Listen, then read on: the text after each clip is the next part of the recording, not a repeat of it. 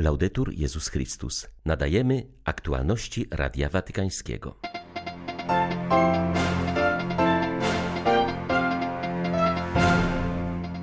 Na Anioł Pański papież Franciszek zapewnił o swojej modlitwie za ponad stu osadzonych z jednego z największych ekwadorskich więzień, zabitych w starciach pomiędzy rywalizującymi gangami.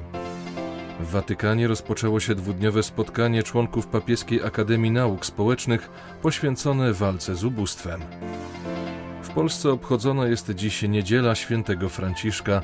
Jej celem jest zwrócenie uwagi na konieczność ratowania naszej planety w duchu ekologii integralnej zaproponowanej w Laudato Si. 3 października wita Państwa Łukasz Sośniak. Zapraszam na serwis informacyjny. Rozważaniu przed modlitwą Anioł Pański papież Franciszek przypomniał, że Jezus utożsamia się z najsłabszymi, biednymi, bezbronnymi i odsuniętymi na margines. Papież zauważa, że w dzisiejszej Ewangelii widzimy niezwykłą reakcję Jezusa. Jest on oburzony i, co najbardziej zaskakujące, nie na faryzeuszy, którzy wystawiają go na próbę pytaniami o to, czy rozwód jest zgodny z prawem, lecz postawą uczniów, którzy, chcąc go chronić przed natłokiem ludzi, przeganiają dzieci, które pragną zbliżyć się do Jezusa. Pan nie oburza się na tych, którzy się z nim kłócą, ale na tych, którzy chcąc uwolnić go od trudu, oddalają od niego dzieci. Dlaczego? Ponieważ Jezus utożsamia się z maluczkimi, naucza, że to właśnie im przede wszystkim trzeba służyć. Ci, którzy szukają Boga, znajdują Go w maluczkich, w potrzebujących nie tylko dóbr, ale także opieki i pociechy, jak chorzy, poniżeni, więźniowie i imigranci. On w nich jest. Dlatego właśnie Jezus jest oburzony. Każda zniewaga wyrządzona maluczkiemu, biednemu, bezbronnemu, wyrządzona jest Jemu. Franciszek zauważa, że Jezus żąda od nas nie tylko pomocy maluczkim, ale stania się jednym z nich. Nauczenie się bycia maluczkimi, potrzebującymi zbawienia jest niezbędne do przyjęcia Pana. To pierwszy krok do otwarcia się na Niego. W pomyślności wydaje nam się, że jesteśmy samowystarczalni, że nie potrzebujemy Boga. Jest to złudzenie, bo każdy z nas jest istotą potrzebującą maluczkim. Kiedy czujemy się maluczkimi w obliczu problemu, krzyża, choroby, kiedy doświadczamy znużenia i samotności, nie zniechęcajmy się. Opada maska powierzchowności i wyłania się nasza radykalna kruchość. To nasza wspólna kondycja, nasz skarb, ponieważ u Boga kruchość nie jest przeszkodą, ale szansą. Sytuacje, które ujawniają naszą kruchość, są uprzywilejowanymi okazjami do doświadczenia Jego miłości. Po modlitwie Anioł Pański papież przyznał, że jest głęboko zasmucony wydarzeniami, które miały miejsce w więzieniu Guayaquil w Ekwadorze. W wyniku wybuchu starć pomiędzy rywalizującymi gangami zginęło tam ponad stu osadzonych. Modlę się za nich i za ich rodziny. Boże, pomóż uleczyć rany po tej zbrodni, wspomóż tych, którzy robią wszystko, aby życie w więzieniach było bardziej humanitarne, powiedział Ojciec Święty. Następnie Franciszek zaapelował o modlitwę w intencji Birmy, Błagam Boga, aby ręce mieszkańców tego kraju nie ocierały już łez bólu i śmierci, ale by połączyły się w pokonywaniu trudności i we wspólnej pracy na rzecz pokoju, modlił się papież. Nawiązał także do dzisiejszej beatyfikacji. Dziś w Catanzaro beatyfikowane są Maria Antonia Sama i Gaetana Tolomeo, dwie kobiety, które przez całe życie znosiły cierpienia, były fizycznie unieruchomione podtrzymywane przez łaskę Bożą, przyjęły krzyż swojej ułomności, przekształcając swój ból w chwałę Pana. Ich łóżka stały się duchowym punktem odniesienia, miejscem modlitwy i chrześcijańskiego wzrostu dla wielu ludzi, którzy znajdowali w nich pocieszenie i nadzieję. Oklaski dla nowych błogosławionych. Un applauso alle nuove beate.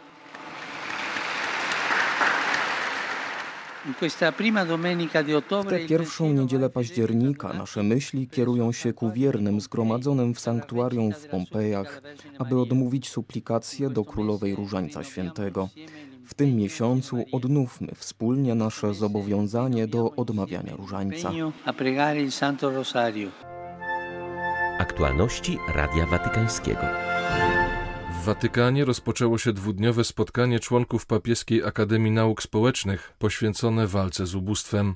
Jego celem jest synteza wiedzy z różnych dziedzin nauki, mająca wspierać rządy i organizacje w walce z biedą i wykluczeniem społecznym. W przesłaniu skierowanym do uczestników papież Franciszek podkreślił, że współczesny świat myli użyteczność i dobrą zabawę ze szczęściem, co kończy się życiem dla przyjemności i pieniędzy. Chciwość prowadzi do materializmu i konfliktów, a w efekcie do ubóstwa większości i tyranii pieniądza. Tymczasem bogactw nie zabierzemy ze sobą po śmierci. Pamiętam, co mówiła mi moja babcia. Trumna nie ma kieszeni, powiedział Franciszek. Zaznaczył, że droga do bardziej przyjaznych społeczeństw wiedzie przez życie charyzmatem ośmiu błogosławieństw. Duch ubóstwa zmienia nasze myślenie o świecie odziera nas ze światowości i prowadzi do wykorzystywania bogactw, talentów i technologii dla wspólnego dobra, napisał Ojciec Święty. Zaznaczył, że nie chodzi o nędzę materialną, która sprawia, że biedni, aby przeżyć, wpadają w szpony różnych form współczesnego niewolnictwa, takich jak praca przymusowa, prostytucja czy handel organami. Włoscy studenci oraz przedstawiciele najbiedniejszych krajów świata przygotowują manifest, który zostanie zaprezentowany podczas spotkania G20 w Rzymie. Jest to owoc projektu The Last 20, który wziął pod lupę sytuację w 17 krajach Afryki i trzech Azji. Realizowany jest w różnych miastach Włoch, gdzie spotykają się młodzi ludzie zainteresowani budowaniem pokoju i lepszej przyszłości w krajach, o których na co dzień zapominamy. Mamy nadzieję, że nasz głos zostanie wysłuchany przez przedstawicieli G20, mówi Radiu Watykańskiemu ksiądz Abdorat. Założył on w Libanie pomocowe stowarzyszenie Jedni dla Drugich. W naszym stowarzyszeniu pracujemy z syryjskimi, irackimi i palestyńskimi uchodźcami w Libanie. Dzisiaj ich sytuacja jest bardzo trudna. Wpływa na to ogromna inflacja w naszym kraju, kryzys społeczno-gospodarczy i brak skutecznego rządu. Dla uchodźców syryjskich zbudowaliśmy szkołę dla prawie 400 dzieci, ale jest to szkoła nieformalna, nieoficjalna. Zapisujemy te dzieci do innych zaprzyjaźnionych szkół, dzięki czemu możemy im dać świadectwo.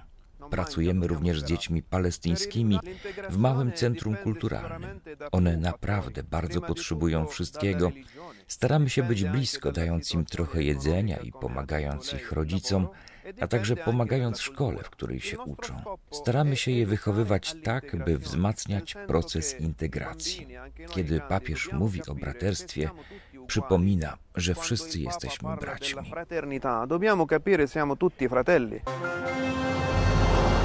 Tydzień po ataku islamskich fundamentalistów w Nigerii, w którym zginęło blisko 50 osób, miejscowy ksiądz, chcący zachować anonimowość, opisał przebieg wydarzeń. W rozmowie z agencją Christian Solidarity Worldwide podkreślił, że bandyci nie mieli litości, strzelali do wszystkiego, co było w zasięgu ich wzroku. Masakra trwała dwie godziny.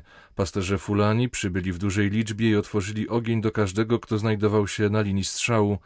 Po wszystkim naliczyliśmy 30 martwych ciał, głównie kobiet i dzieci. Pięciu rannych, którzy przeżyli, nadal przebywa w szpitalu, czytamy w wywiadzie. Podczas ataku bandyci spalili co najmniej 20 domów i porwali 27 osób. Ataku dokonano na dwie wioski w północno-nigeryjskim stanie Kaduna. Negatywne komentarze wywołują wciąż reakcje władz na tragiczną sytuację w Nigerii.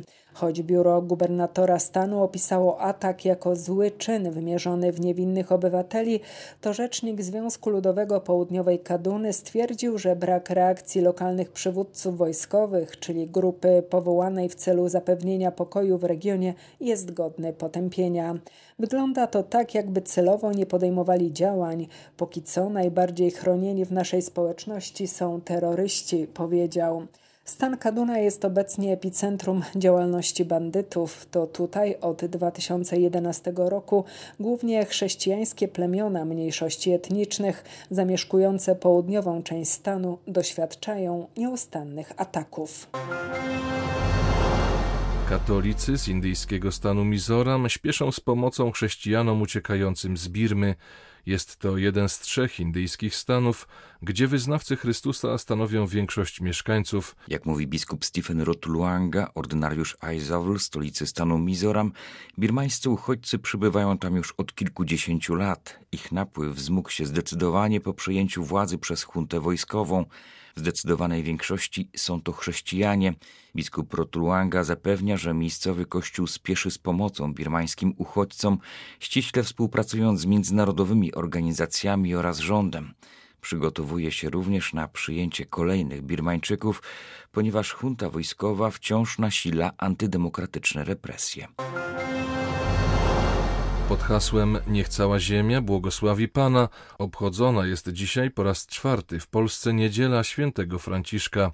Organizuje ją w poszczególnych parafiach naszej ojczyzny Światowy Ruch Katolików na Rzecz Środowiska. Tegoroczne obchody poświęcone są ochronie bioróżnorodności i przypomnieniu postaci świętego Franciszka z Asyżu jako patrona chrześcijańskiej ekologii integralnej. Mszy świętej w intencji ochrony Bożego Stworzenia w warszawskim kościele duszpasterstw środowisk twórczych przewodniczył dziś biskup Michał Janocha. Jak zaznacza, jest jemu szczególnie bliska idea ekologii integralnej, obejmującej zarówno troskę o świat stworzony, jak i człowieka. Te dwie rzeczy są ze sobą bardzo ściśle powiązane relacji człowieka i natury, ale również tej wewnętrznej człowieka względem samego siebie, człowieka względem Boga. Niedostatek dominującej dzisiaj ekologii polega na akcentowaniu tylko tego pierwszego aspektu. Ekologia zawsze zaczyna się od siebie, od własnego nawrócenia. W tym roku wierni modlą się o ochronę różnorodności Bożego stworzenia słowami biblijnej księgi Daniela i pieśni słonecznej Biedaczyny z Asyżu. Z Warszawy dla Radia Watykańskiego ojciec Stanisław Tasiemski, dominikanin. Relikwie błogosławionego kardynała Stefana Wyszyńskiego zostały uroczyście wprowadzone na Jasną Górę. Prawnicy z modlitwą za ojczyznę dziękowali za beatyfikację inicjatora swoich pielgrzymek, prymasa tysiąclecia.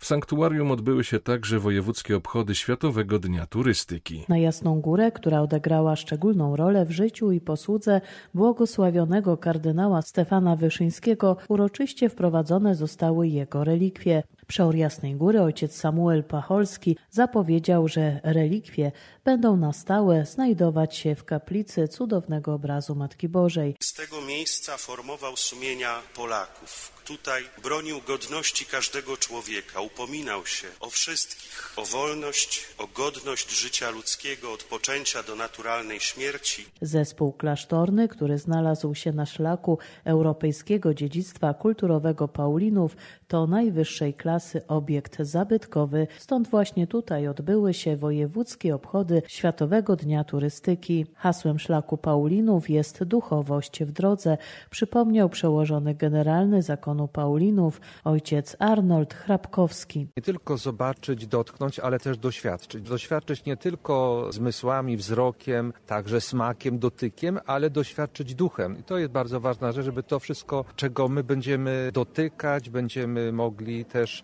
w jakiś sposób przeżywać, żeby to wszystko w nas zostało, żeby to w nas później owocowało. Październik to od lat miesiąc walki z rakiem. Tradycyjnie na Jasną Górę przybywają kobiety po chorobie nowotworowej piersi. Amazonki zwracają uwagę, że zdrowa kobieta to bezpieczna, stabilna rodzina. Dla Radia Watykańskiego Mirosława Szymusik, Biuro Prasowe Jasna Góra News. Były to aktualności Radia Watykańskiego. Laudetur Jezus Chrystus.